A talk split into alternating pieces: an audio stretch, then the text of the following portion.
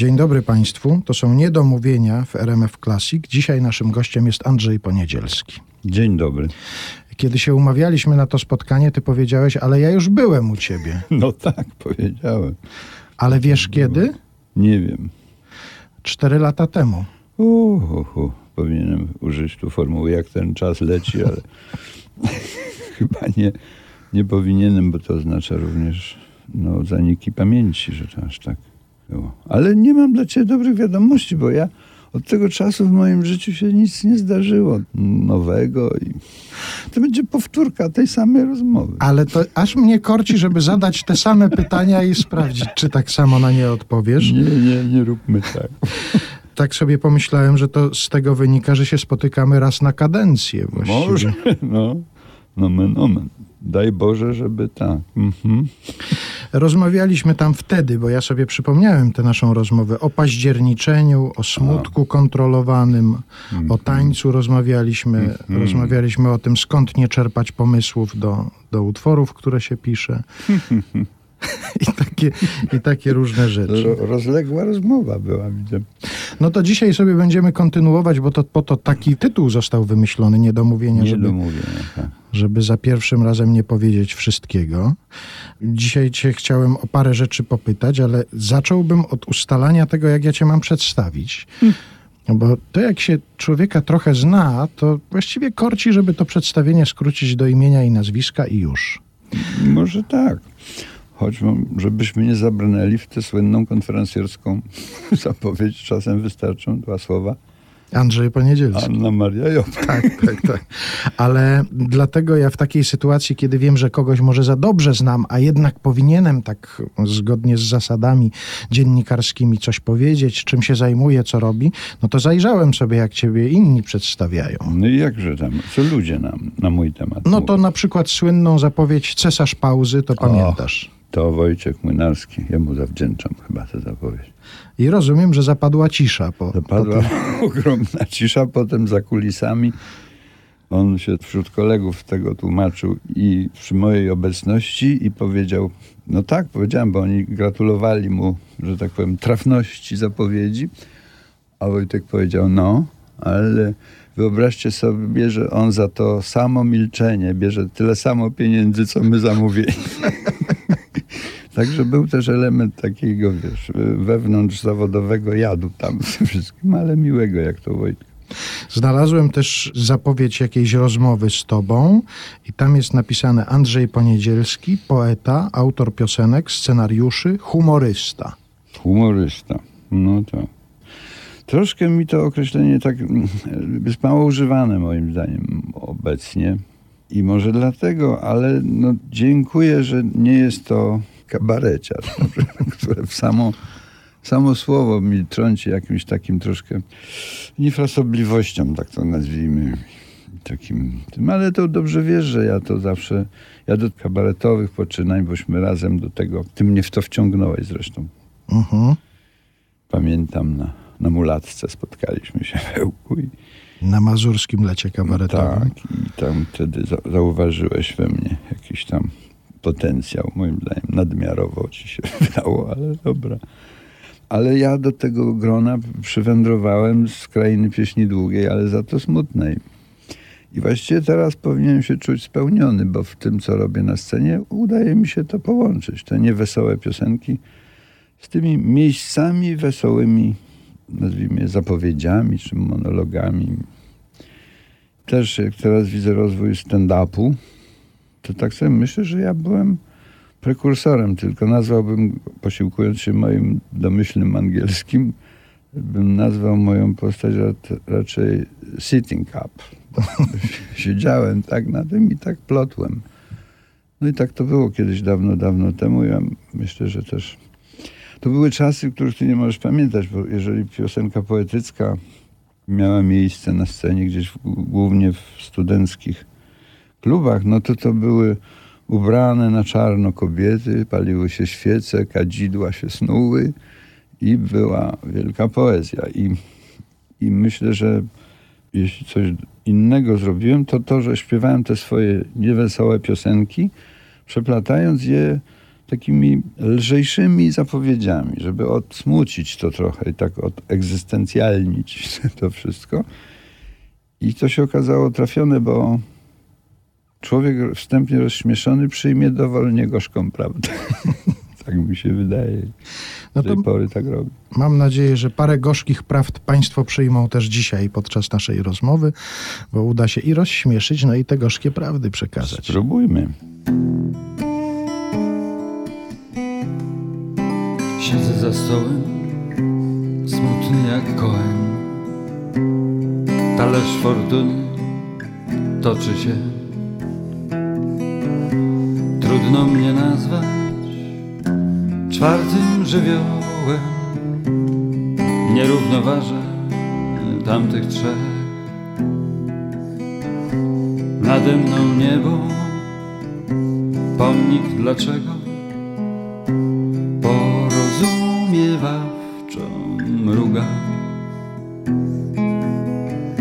Smutna piosenka, smutna piosenka, za to długa.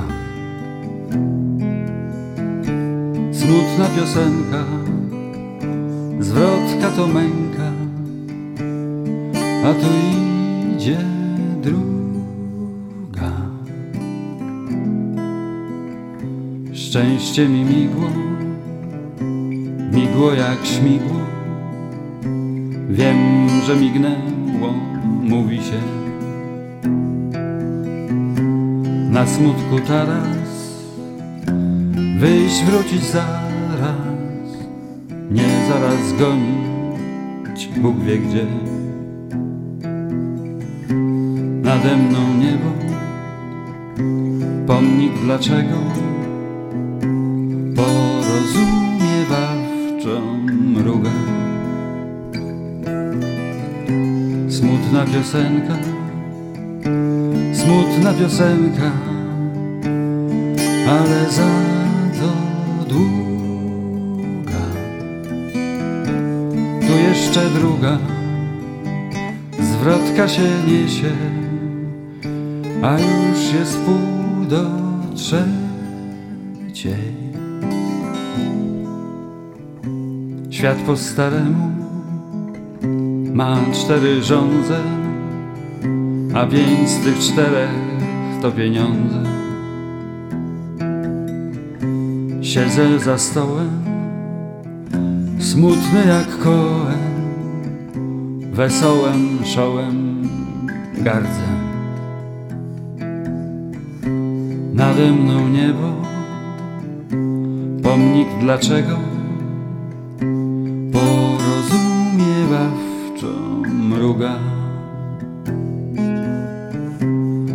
Smutna piosenka, smutna piosenka,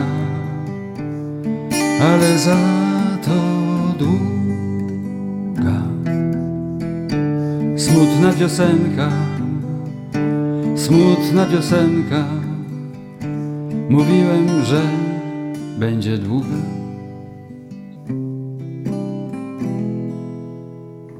Smutne jest piękne, ale na szczęście nie wszystko piękne, smutne jest.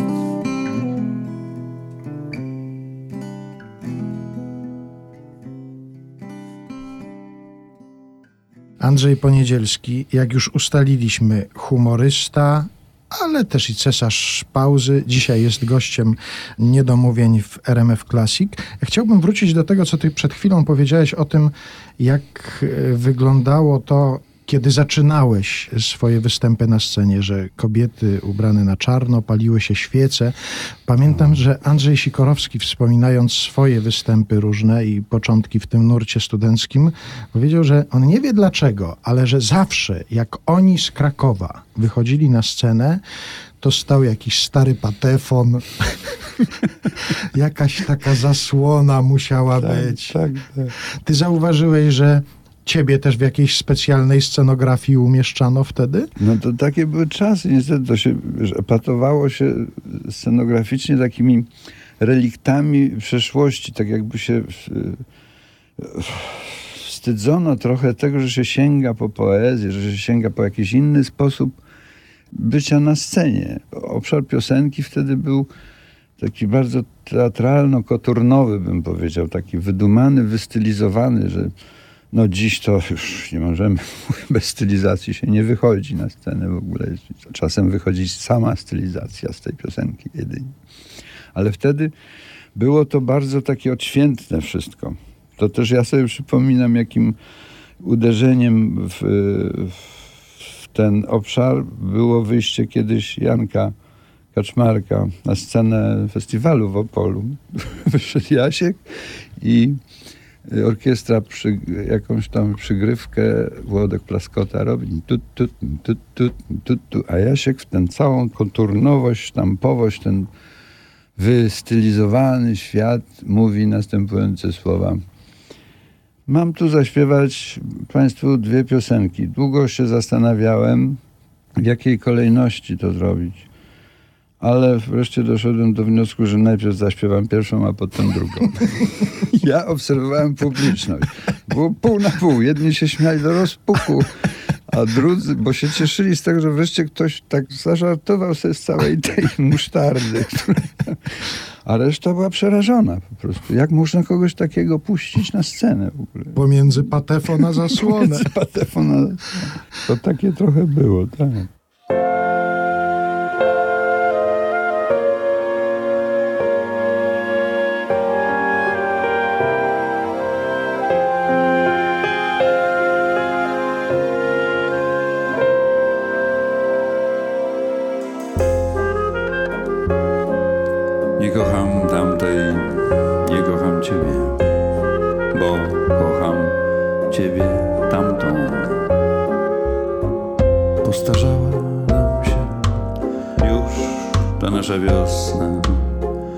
Posiwiały trawy i pordzewiał bez.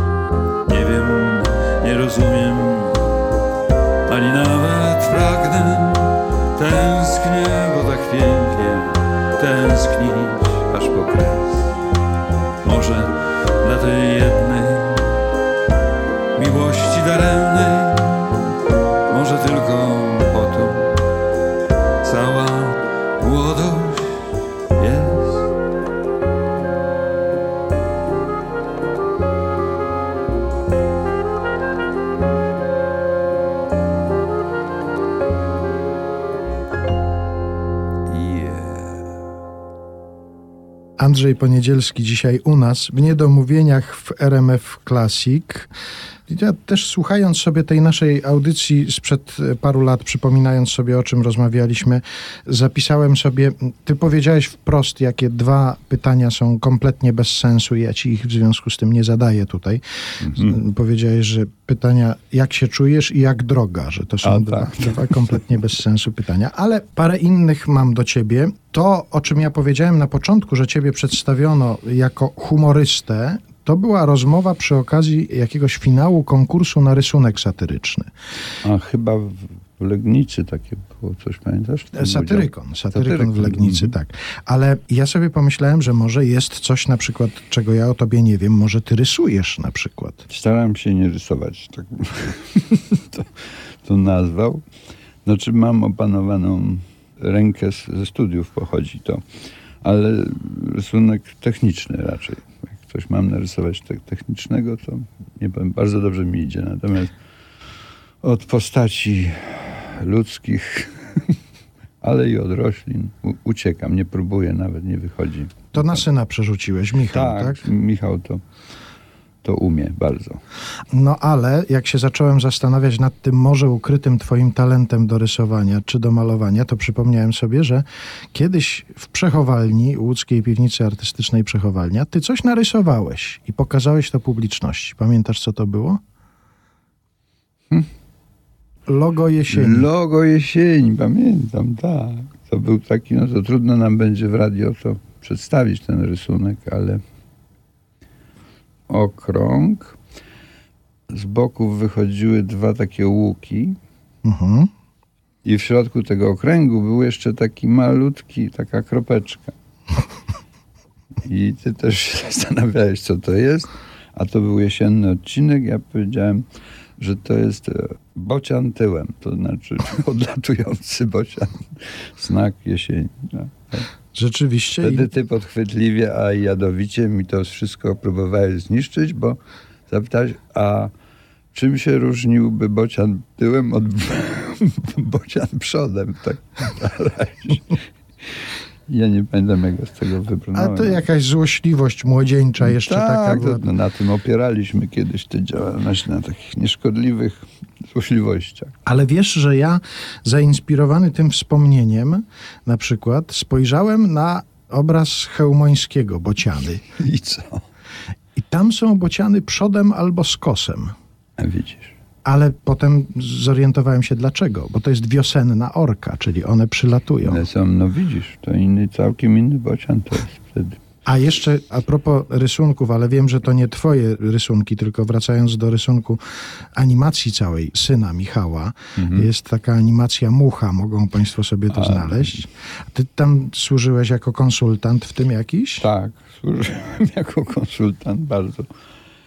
Michał zresztą mi tam nawet jakieś podziękowania złożył na, na ten temat, bo no tak, no, to były jego takie początki, to zdaje się był w ogóle film zaliczeniowy na tej uczelni, którą tam on kańczał. Ale ty dialogi wymyślałeś do tego, czy... Nie, nie, nie. Znaczy on ze mną to konsultował, bo no, w tym naszym fachu, chociaż obaj nie jesteśmy za dobrym przykładem, liczy się skrót, prawda? No to tak, to nie Ale trafiony Nie przykład. jest tak. przykład. Ale jednak y, skłonność do skrótu myślowego, żeby, żeby nie wszystko było kawa na ławę i żeby nie wszystko było mm, w takim pierwszym przybliżeniu, żeby dać widzowi jak najwięcej do, do zrobienia samemu. I to myślę, że o, o to chodziło, bo on się bardzo bał jakby przegadania tego w sensie takim, że właśnie trzeba oddać to widzowi, domyślność. No to już krócej się nie dało chyba.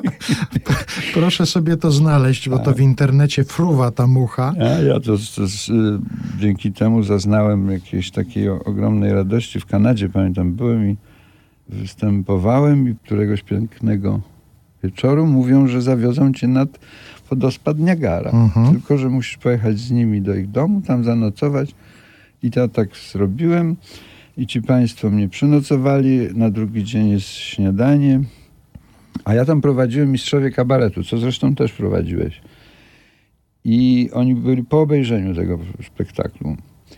I porozmawialiśmy jeszcze chwilę wieczorem i przy śniadaniu ten gospodarz jakiś ogromnie zadowolony wstał i taki do mnie radośnie uśmiechnięty i mówi, przyznam się, że dopiero w nocy, jak poszedłeś spać, to ja twoje nazwisko wygooglowałem i ty jesteś ojcem tego Michała od tej muchy, tak? tak to sławę zyskałem w okolicach Toronto dzięki własnemu. Dzięki dziecku. Bo tak to on nie kojarzył, ponieważ da, dawno wyjechał, w ogóle nie kojarzył mojego nazwiska. No zresztą ty w tym zestawie mistrzów kabaretu byłeś jako młodzież, A, prawda? Bo tam a.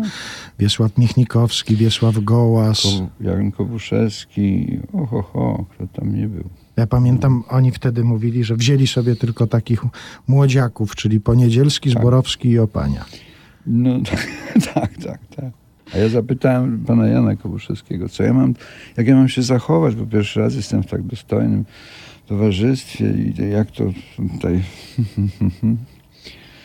I on mówi, no wiesz, gdybyśmy by byli w lepszej kondycji, to byś latał po papierosy i po wódkę, ale tak to widzisz, no jakoś się zachowuj pomału.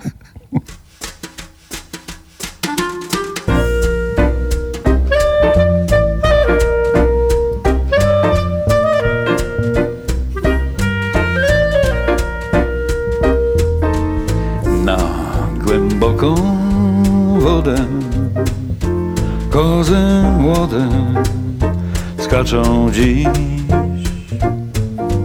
Ja mam tę wygodę, że dopiero chyba w środę mam gdzieś iść. Mimo tej jesieni spray, życie woła do mnie, hej, umie pięknie być. Czasem tak, że diabeł klęknie, umie pięknie być, umie, umie, umie pięknie być.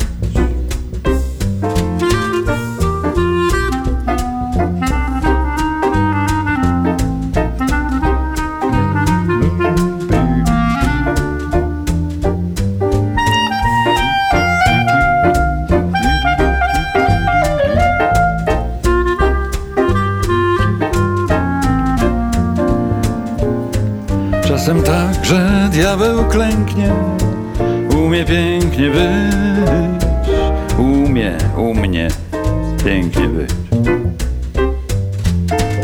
Na głęboką wodę, już nie przodem, skacze dziś. Wyczerpane szczęście Coraz częściej, coraz chętniej mi się śni Mimo tej jesieni spray Życie woła do mnie hej Umie pięknie być.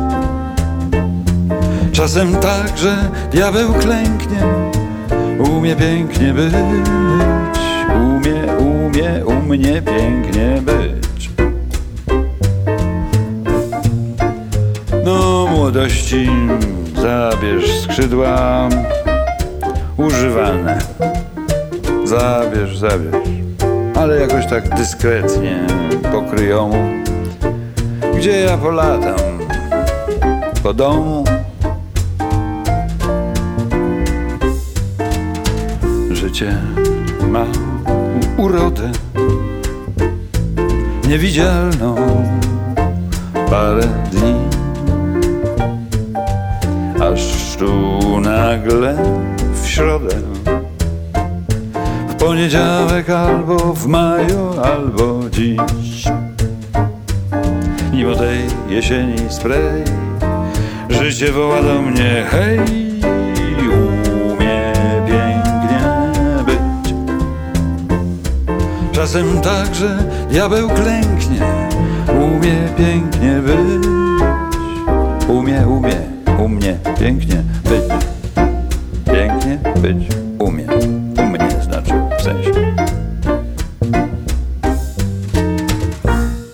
Andrzej Poniedzielski dzisiaj u nas w Niedomówieniach w RMF Classic. Jeszcze chciałem wrócić do tego twojego wymyślonego, narysowanego przez ciebie logo e, jesieni, Mhm. czyli bociana tyłem. Bocian tyłem. Ustaliliśmy już, że u Chełmońskiego one są raczej przodem, no ale to wiosna. Ale też powiem ci, że to nasze spotkanie ma dla mnie taki charakter konsultacyjny. Ja pomyślałem sobie, że wezwę cię na konsultację, Proszę. ponieważ zdarzyło mi się niedawno chciałbym, żebyś ty to jakoś skomentował i powiedział, co ty o tym myślisz. Zdarzyło mi się niedawno przeżyć kolejny taki przejaw popularności jakiejś. Idę sobie, tutaj niedaleko jest taki park, schodzę sobie schodami, podbiega do mnie jakaś pani i mówi, pan Andrus, prawda? Ja mówię, tak, z boku pana poznałam. Aha, no. I to teraz ja nie wiem, czy to dobrze, czy to źle. To jest myślę bardzo dobrze, no bo to z, z przod... my występujemy przeważnie przodem, prawda? Mhm. No Jeżeli- jak schodzimy ze sceny, to raczej tyłem. No tylko wtedy już jest, nie, nie da się przodem zejść. Znaczy trudno. To jak ona cię z boku poznała, to, to jest, że tak powiem, no, bardzo intensywna wielbicielka twego talentu. A wydaje ci się, że bocian z boku ma jakiś sens, jakieś znaczenie? Banalny troszkę jest moim zdaniem. No ja tam w Podlaskim bywam, to mam z tymi bocianami dużo do czynienia. No rzeczywiście on jest, no naj, najczęściej widzimy go tak boku. No wdzięcznie się prezentuje, no wdzięcznie nie powiem, ale to dlatego Chełmoński takim lekkim skosem jest namalował. Żeby nie było banalnie. Żeby banalnie nie było, że to jest jakiś... Ja miałem z Bocianem przygodę tam w Podlaskim. Wylądował na mojej stodole taki bocian. Bardzo byłem zdziwiony, bo uszadowił się do mnie tyłem właśnie. I siedział tak. Czasem się tak oglądał, bo ja siedziałem na ganku i patrzyłem na niego. On tak no, trwało dłuższą chwilę. Myślę, co on tu robi? On tak jakoś tak niedbale troszkę te pióra sobie po- poprawiał. Myślę, co on tu robi? No i nic, tak to potrwało chwilę i nagle się dowiedziałem dlaczego. Gdzieś z lasu wyfrunął drugi bocian, w domyśle bocianica. Usiadła obok niego, taką mu, mm, że tak powiem, wyklekotała formułę. Zwyczajny to był, no niestety, no, musiał po prostu chcieć sobie odpocząć od tego Klekotania? Dbania o gniazdo, tak. I, I znalazł takie przytulne miejsce, ale ona go szybko stamtąd i odlecieli razem. Przekonała go do powrotu. Przekonała natychmiast. Ale to tylko raz się tak zdarzyło, czy on tam zaglądał od Nie, czasu nie, do czasu? potem już nie. Jakoś, albo- nie trafiliśmy na siebie. No. Albo on, on już wiedział, że ta kryjówka jest spalona. Jest spalone, tak, Mhm. prawdopodobnie.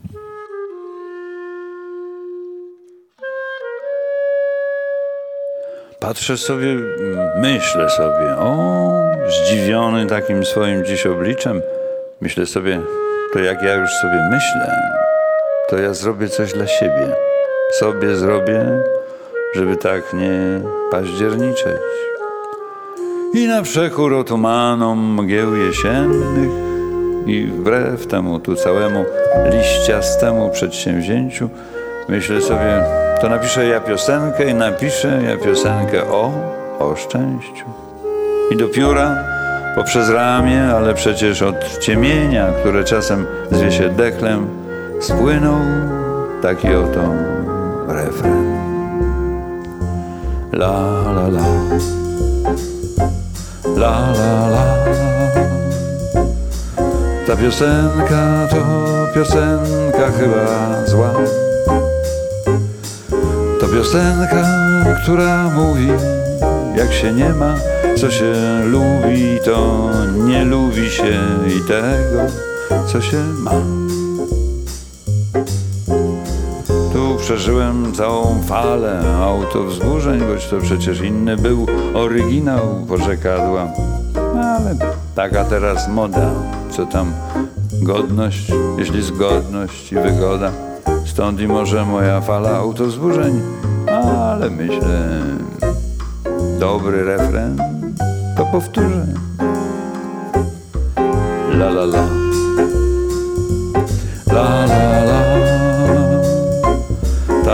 piosenka to piosenka raczej zła. To piosenka, która mówi, jak się nie ma, co się lubi, to nie lubi się i tego, co się ma. Chciałbym, aby temu przedsięwzięciu cel przyświecał, by to była elegancka i piosenka, i o szczęściu, bo ten refren nie pozbawiam przecież racji. On mówi o zdrowiu, o szczęściu, o miłości, pomyślności, a i nawet demokracji. La la la. La la la. Ta piosenka to piosenka raczej zła. Ale ona tylko mówi, jak się nie ma, co się lubi, to nie lubi się i tego, co się ma i wesoło. La la la. La la la. Ta piosenka to piosenka raczej zła. Ale ona tylko mówi, jak się nie ma, co się lubi, to nie lubi się i tego, co się ma. No nie lubi się i tego, co się ma. Znaczy, trochę się lubi, ale, ale czy się ma? Prowadzisz taką imprezę, która się nazywa Festiwal Piosenki Dołującej. Tak. Zastanawiam się, czy ten tytuł został wymyślony złośliwie pod ciebie, czy potem szukano już prowadzącego, jak wymyślono taki. Nie wiem, nie wiem, jaka była kolejność. Zadzwonił do mnie Stanisław Szczyciński, który mieszka tam w okolicy i, i po prostu ma taki pomysł. Jest tam miejsce, które nazywa się Zimne Doły, taki rodzaj uroczyska. No i on ma, żeby pieśni dołującej, żeby wreszcie to nazwać wszystko po imieniu, a nie udawać, że to jest tam mm, mm, mm, pieśń niewesoła jakaś tam. I ma taką, taki pomysł chyba, tak, od Stasia to pochodziło, żebym był twarzą tego festiwalu. No, użyczyłem twarzy i to już ładne parę lat minęło od tego momentu. Ale też tam gościłeś. czego- Też zastanawiam się, jakim kluczem byłem Tam dobierany. a- potem ten klucz już był bardzo, że tak powiem, rozległy do zapraszania i zresztą no, pff, tak naprawdę w ogóle ja uważam, że jeżeli ktoś śpiewa w ogóle piosenkę, mówię o piosence, gdzie jest tekst, muzyka i nie robi tego tylko dla pieniędzy, to to nigdy nie jest wesołe zajęcie. Mhm. Ja to sobie lekko podżartowując mówię, że ja pochodzę z Kieleckiego i tam nie ma dobrych notowań mężczyzna śpiewający, bo on jest postrzegany jako śpiewający po trzeźwemu, bo on jest postrzegany jako osoba śpiewająca bez wyraźnego powodu. No i to jest jakiś przejaw zdołowania. Zdołowanie na pewno, tak. No ale tam nie sami mężczyźni występują. Nie, nie, nie. Tam różne, różne, różne zespoły. Ale i kobiety śpiewają. Jeżeli piosenka nie jest marynistyczna, czyli o dupie Maryni, to już jest uważana za dołującą. Ja pamiętam ten mój występ w ramach tego festiwalu i tak sobie pomyślałem, że być może, że no ja jestem takim jakimś, mam być okazją do odbicia się od dołowania, tak sobie wmawiałem. Potem się okazało, że tam większość tych, którzy byli, to śpiewali niekoniecznie takie bardzo dołujące No tak. piosenki i ludzie wychodzili raczej zadowoleni. Mm. To nie chodziło chyba o to, żeby doprowadzić do jakiegoś nie, stanu frustracji. Antidotum ma, ma to być. Ja zresztą uważam, że poziom smutku, człowiek musi kontrolować poziom smutku, a nawet celowo wprowadzać w siebie smutek taki, bo jeżeli on go sam do siebie dopuści, to ma nad nim władzę w jakimś sensie. To znaczy kontroluje ten poziom smutku, a jeżeli smutek go napadnie, no to wtedy to jest dopiero nieszczęście. Więc trzeba dbać, tak jak z cholesterolem.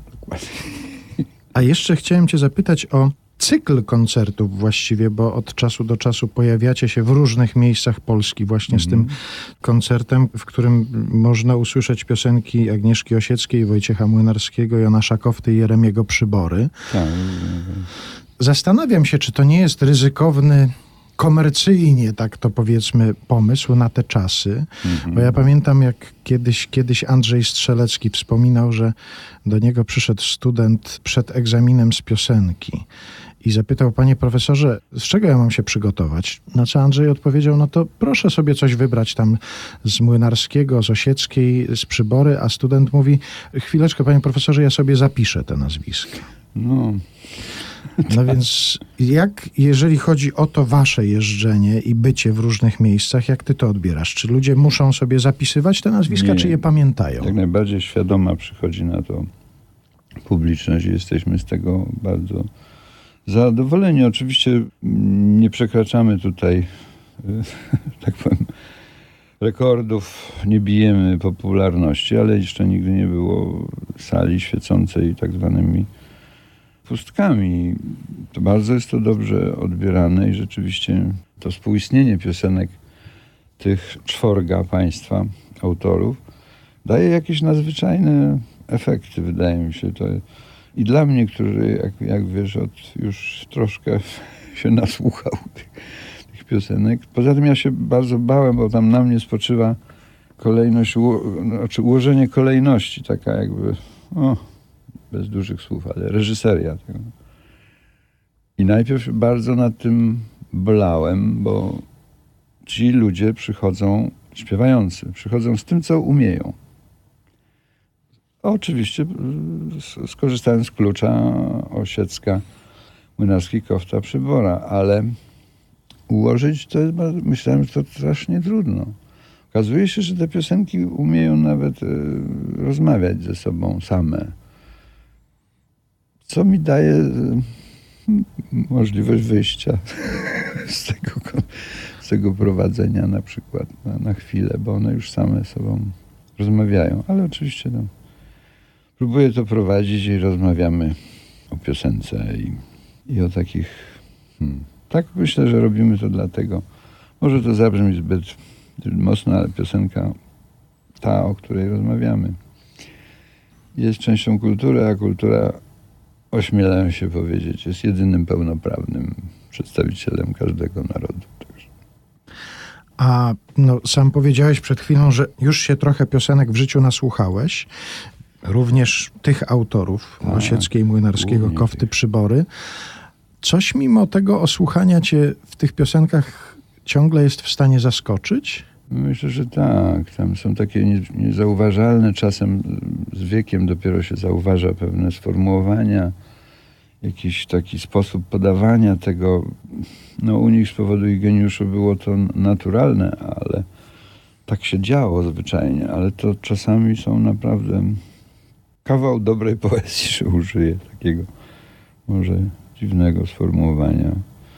No i przede wszystkim jedyne, co zaskakuje i ciągle się potwierdza, że są tak jakby wczoraj były napisane, czyli że niewiele się zmienia w człowieku, w jego postępowaniu, w jego postrzeganiu świata. To wszystko jest to samo. Oczywiście są tam czasem trudne słowa dla dzisiejszego odbiorcy, bardzo takie już niestosowane dzisiaj, ale Czyli trzeba wyjąć smartfon i sprawdzić, co Trzeba. to znaczy. Już to od ciebie zapożyczyłem, bo ty do, przyniosłeś chyba do przechowalni. Kiedyś ja tam wymieniam takie archetypy, czy też symboliczne pary, czyli Romeo Julia, Tristan i Izolda i tam również cytuję młodzież, Samsung i Delilah. Tam. No to tam tak staramy się to też ku młodzieży kierować lekko, ale lekko bardzo. Chociaż mnóstwo młodych ludzi też przychodzi na to i myślę, że trzeba to robić w jakimś tam jednak sensie i wymiarze, bo napisałem taki wierszyk na ten temat, że fortuna kołem się toczy, kultura toczy się kulą. Jest kula, to jest i Syzyf.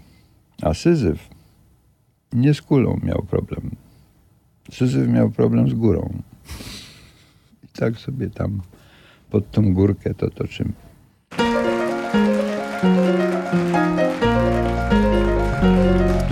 Wirują, wirują tysiące szprych w kole fortuny matuli.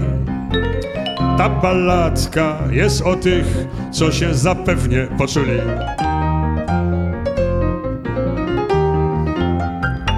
Raz jeden gość w karty grał, w bridża, pokera czy wista i układ wspaniały miał, lecz kart zbyt mocno nie ściskał. Wtem światło trach zgasił ktoś, karcięta z rąk mu wyrwano. Do dzisiaj pechowy gość wspomina szansę przegraną, bo wirują, wirują tysiące szprych w kole fortuny matuli. Ta balladka jest o tych, co się za dobrze poczuli. Bo choć wspaniały był start, nim koniec uwieńczył dzieło, już zamieniło się w marny żart, co się tak pięknie zaczęło.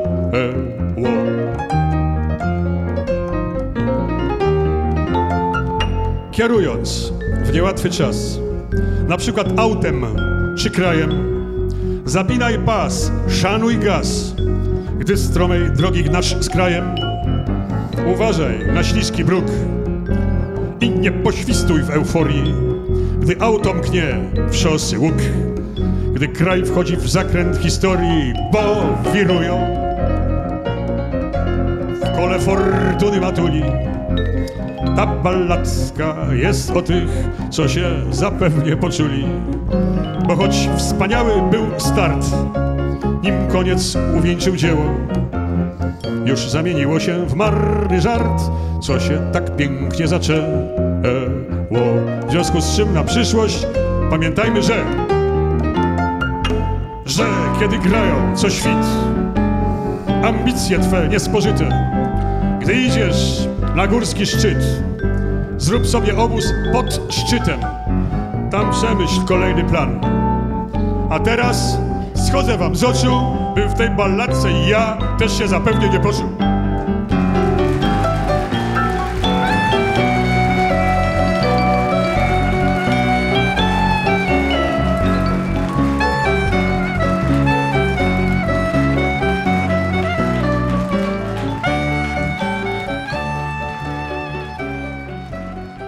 Andrzej Poniedzielski dzisiaj u nas w Niedomówieniach w RMF Classic. Zaczęliśmy rozmawiać o piosenkach Agnieszki Osieckiej, Wojciecha Młynarskiego, Janasza Kofty, Jeremiego Przybory. A teraz porozmawiajmy trochę o twoich. Czy zdarzyło ci się kiedyś, że musiałeś unieważnić piosenkę albo jakiś fragment piosenki? Bo coś, bo się zmienił świat, bo, bo coś może być niezrozumiałe, albo ty inaczej na ten świat patrzysz? Czasem coś zmieniałem rzeczywiście. Zmieniałem, bo wydawało mi się jakieś takie kanciaste i dziwne, ale nie z żadnych innych powodów.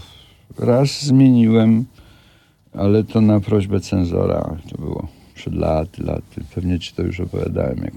Ja mam taki kolaż wierszy naszych klasyków. Mhm.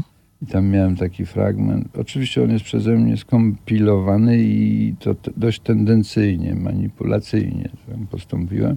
A nawet dodałem swoje fragmenty, zakończenia swoje.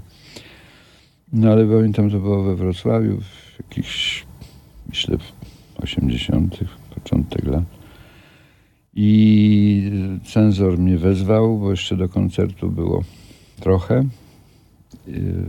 Pałacyku Wrocławskim, taka była siedziba studenckiej kultury wtedy i powiedział, że tu wszystko właściwie on puszcza, ale z takim problemem się tutaj boryka, że tam jest fragment, y, cytat takim e, zagrał, grać przestał i wszystkim się zdawało, że to wojski gra jeszcze, a to wojsko grało. Ja tak napisałem. Dokończyłem za klasyka. On powiedział, że mm, tym wojskiem to niedobrze. Dla ówczesnie miłościwych rządzących wojsko było taką świętością, której nie, nie wolno było ruszać. Właściwie, no bo oni wyzwalali. Potem się okazało, jak to robili, ale... Ale ja zauważyłem, bo tam często siedzieli na tych cenzorskich krzesłach niespełnieni literaci. Czasem byli to żołnierze frontowi, ale czasem niespełnieni literaci. Zauważyłem w nich, z nim taką jakąś nutę, rytm literata i mówię, to może razem się zastanówmy, jak to zrobić. I on, on mi to zmienił właściwie. Na drugi dzień przychodzę, a on już widzę po akcie twórczym jest. Mam chyba, panie czekaj, proszę. Wszystkim się zdawało, że to wojski gra jeszcze, a to radio grało. Lepiej przecież, prawda? No dużo lepiej. Wiesz, czasy się tak zmieniły, że gdyby to się teraz działo, to ja bym musiał natychmiast e, dorzucić, które radio to A grało. no właśnie. I że to No, grało RMF Classic. Także. Tak jest. To względ- ja nie myślę jakoś zmieniać tych swoich piosenek. Wiesz, ci, których wymieniałem tutaj, właśnie Jonasz Kofta, Janek Kaczmarek, to oni zawsze mi mówili, Jędruś, ty jak o tym kraju napiszesz coś, ale tak naprawdę to nie chodzi o wieczorne wierszyki z woreczka żółciowego, tylko naprawdę, jak się napisze, to to, to się sprawdza całe dziesięciolecia. Mhm. Jeśli mógłbym coś nieskromnie dodać do wypowiedzi mistrzów moich dziś, to jeśli się nie sprawdza, to trzeba poczekać. Czyli właściwie w pisaniu najważniejsza jest cierpliwość. Tak Cierpliwość, czekać, czekać, czekać, aż to, co napisałeś, zacznie brzmieć. Ale ja dlatego też między innymi zapytałem cię o to, czy musiałeś kiedyś albo unieważnić piosenkę, albo coś zmienić, bo przypomniało mi się, jak Jonasz Kofta przecież kiedyś przepraszał za jedną ze swoich piosenek, za A o poranku. Radość o poranku. O poranku. Także pisał to nie wiadomo dlaczego, bo jest mu to obcy stan. Bo Tak, i że gdyby wiedział, że radio będzie tą piosenką katowało codziennie w programie Dzień dobry, pierwsza zmiano, to nigdy by czegoś takiego nie napisał. Tak, ale on to też postrzega jako piosenkę napisaną kompletnie nieszczerze, bo, bo jemu to jest obcy stan, do poranek.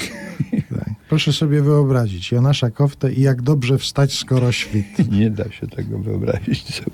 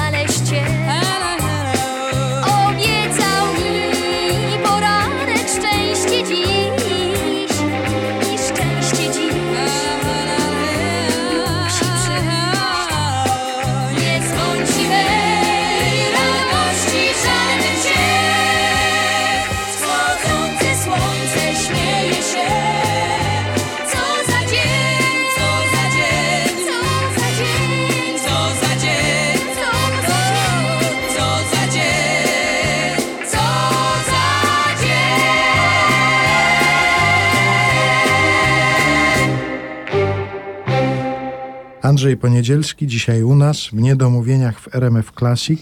I jeszcze wrócę do pewnego określenia, które przywołaliśmy na początku naszej rozmowy, określenia, którego użył w stosunku do ciebie Wojciech Młynarski, cesarz pauzy.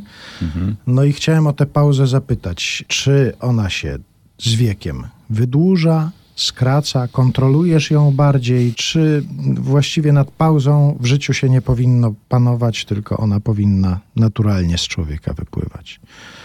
Z tym wiekiem, co to... Z tym wiekiem to ja nie wiem. Bardziej jeszcze nie wiem, czy ja na to kontroluję, czy nie. Ja jak to sobie nawet rozpatrywałem i myślę, że to, ta pauza wyniknęła u mnie z pewnego nieudacznictwa albo nieprzygotowania do... No ty miałeś za sobą szkołę radiową, musiałeś kartę mikrofonową mieć. To wiedziałeś, że nie da się w nieskończoność wydłużać tej ciszy, bo ona w eterze brzmi no, katastrofalnie. Ja takiego przygotowania nie miałem. Ja byłem prostym studentem Politechniki. I do tego bycia na scenie nie byłem kompletnie przygotowywany. Więc tak naprawdę wszystko to powstało w sposób naturalny. To znaczy, ja w trakcie mówienia y, myślałem o tym, co powiem za chwilę. I stąd się ta pauza wzięła. Ja wiem, czy ja ją dziś kontroluję. Staram się. Nawet zauważyłem, że, że wiem. mm, Wiem o tym, że tak mówię i staram się przyspieszać. No, staje się to, ale dość szybko zapominam o tym, że miałem przyspieszyć. Ale wiesz, że ja sobie teraz przypomniałem taką spektakularną pauzę, której świadkiem byłem w Teatrze Ateneum, kiedy prowadziliśmy razem takie wieczory kabaretto. A, tak. My tam miewaliśmy gości i zawsze z tym gościem była jakaś rozmowa i umawialiśmy się, tutaj zdradzamy trochę tajniki, że ja zaczynam pytać gościa, potem ty przejmujesz tę rozmowę i tak dalej. I kiedyś pamiętam, gościem był Stanisław Szelc z kabaretu Elita. Usiedliśmy tak sobie we trzech, słoneczko, czyli reflektorek zaświecił, ciepło się zrobiło na scenie, to tak sobie siedzieliśmy i byliśmy umówieni, że ja zacznę, ja zapytam Staszka tam o coś, potem ty będziesz kontynuował tę rozmowę. No i ty się zamyśliłeś, zdaje się, bo to nie jest obcy ci stan na scenie. No właśnie powiedziałeś, No że mówisz, bo wcześniej to sobie wymyśliłeś, czy jesteś w trakcie myślenia. I ty się zamyśliłeś, ja zadałem pytanie, Staszek już odpowiedział. Ja tak patrzę na ciebie i czekam, czy ty... czy, nie ma. tak, czy ty coś powiesz, czy nie? I pomyślałem, no to nie, to ja wyczekam. Wyczekam tę pauzę, też może i ja się nauczę korzystać z pauzy. I ta pauza tak trwała, trwała, trwała. I ty się zorientowałeś nagle, że ona... Coś nie tak. Tak. Pamiętasz, co ty wtedy powiedziałeś? Powiedziałeś, aha. Na co Staszek Szelc powiedział, o nie Andrzej, to na to pytanie to ja ci nie odpowiem. No, No taka... moja córka to ładnie określiła, Kasia, bo ona m- mówi, tato, ja wiem, że ty y, rozmawiasz ze mną, że jesteś tu, że siedzisz, ale ciebie nie ma, wiesz o tym, tak? Bo Coś takiego mam, że ja wykazuję pozory życia, uczestniczenia w tym wszystkim, bycia, a gdzieś po frunie to mi tam w środku i Tym bardziej jestem ci wdzięczny, że dzisiaj w czasie naszej rozmowy stosowałeś pauzy radiowe. Tak, że starałem się, tak, tak, tak i bardzo naprawdę rzadko było tak, że mnie nie było. Bardzo ci dziękuję za to. Korci mnie jeszcze, żeby ci zadać na koniec dwa pytania. Proszę bardzo. Jak się czujesz i jak droga? Ach, tego ci nie mogę odpowiedzieć, to żadna antena tego nie puści, tej odpowiedzi. Bardzo dziękuję. Andrzej Poniedzielski był naszym gościem. Dzięki, dziękuję. Do widzenia. La. La la la la. La la la. La la la la.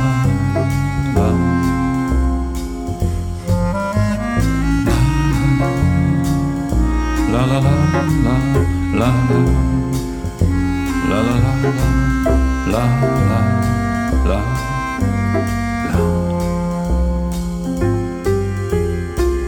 Tańczmy jak zagrają nuty losu, krople dni. Sny tak pięknie tęsknią do niedawnej szczęścia łzy. Ty nim skrzydło nocy czarnej rzuci szary cień. Tęskni za kolejnym dniem.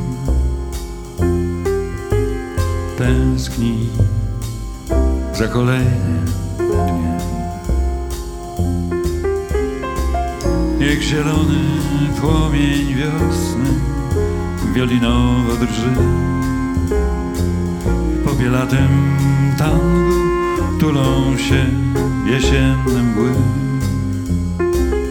Póki serce tak taktowne służy rytmu tłem tenskní za kolejným dnem.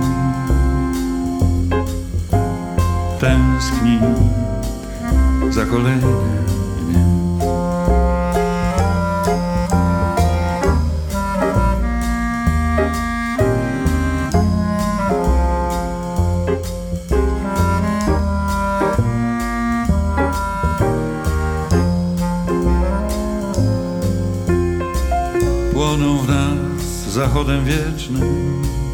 całe stada słońc. Śpią ławice gwiazd wygasłych, ciężkie chmury wrąg. Dotknij nieba myślą senną, ale każdym z tchnień tęskni za kolejnym dniem. Tęskni za kolejnym dniem. Tęskni tylko z tobą, minie cały świat. Dźwięczmy struną potrąconą przez różaniec lat. Podaj duszy łyk nadziei, a marzeniom tlen. Tęskni za kolejnym dniem.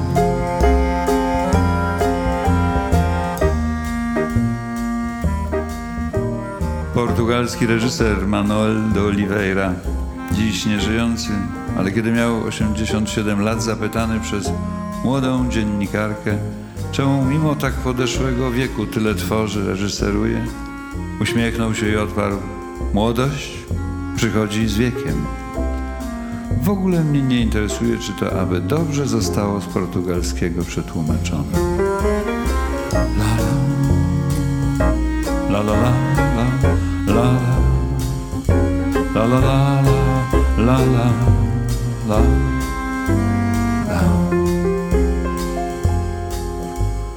Tęskni tylko z tobą. Minie cały świat Dźwięczmy struną potrąconą przez różaniec lat Dotknij nieba myślą senną, ale każdym z tchnień tęskni za kolejnym dniem. Tęskni za kolejnym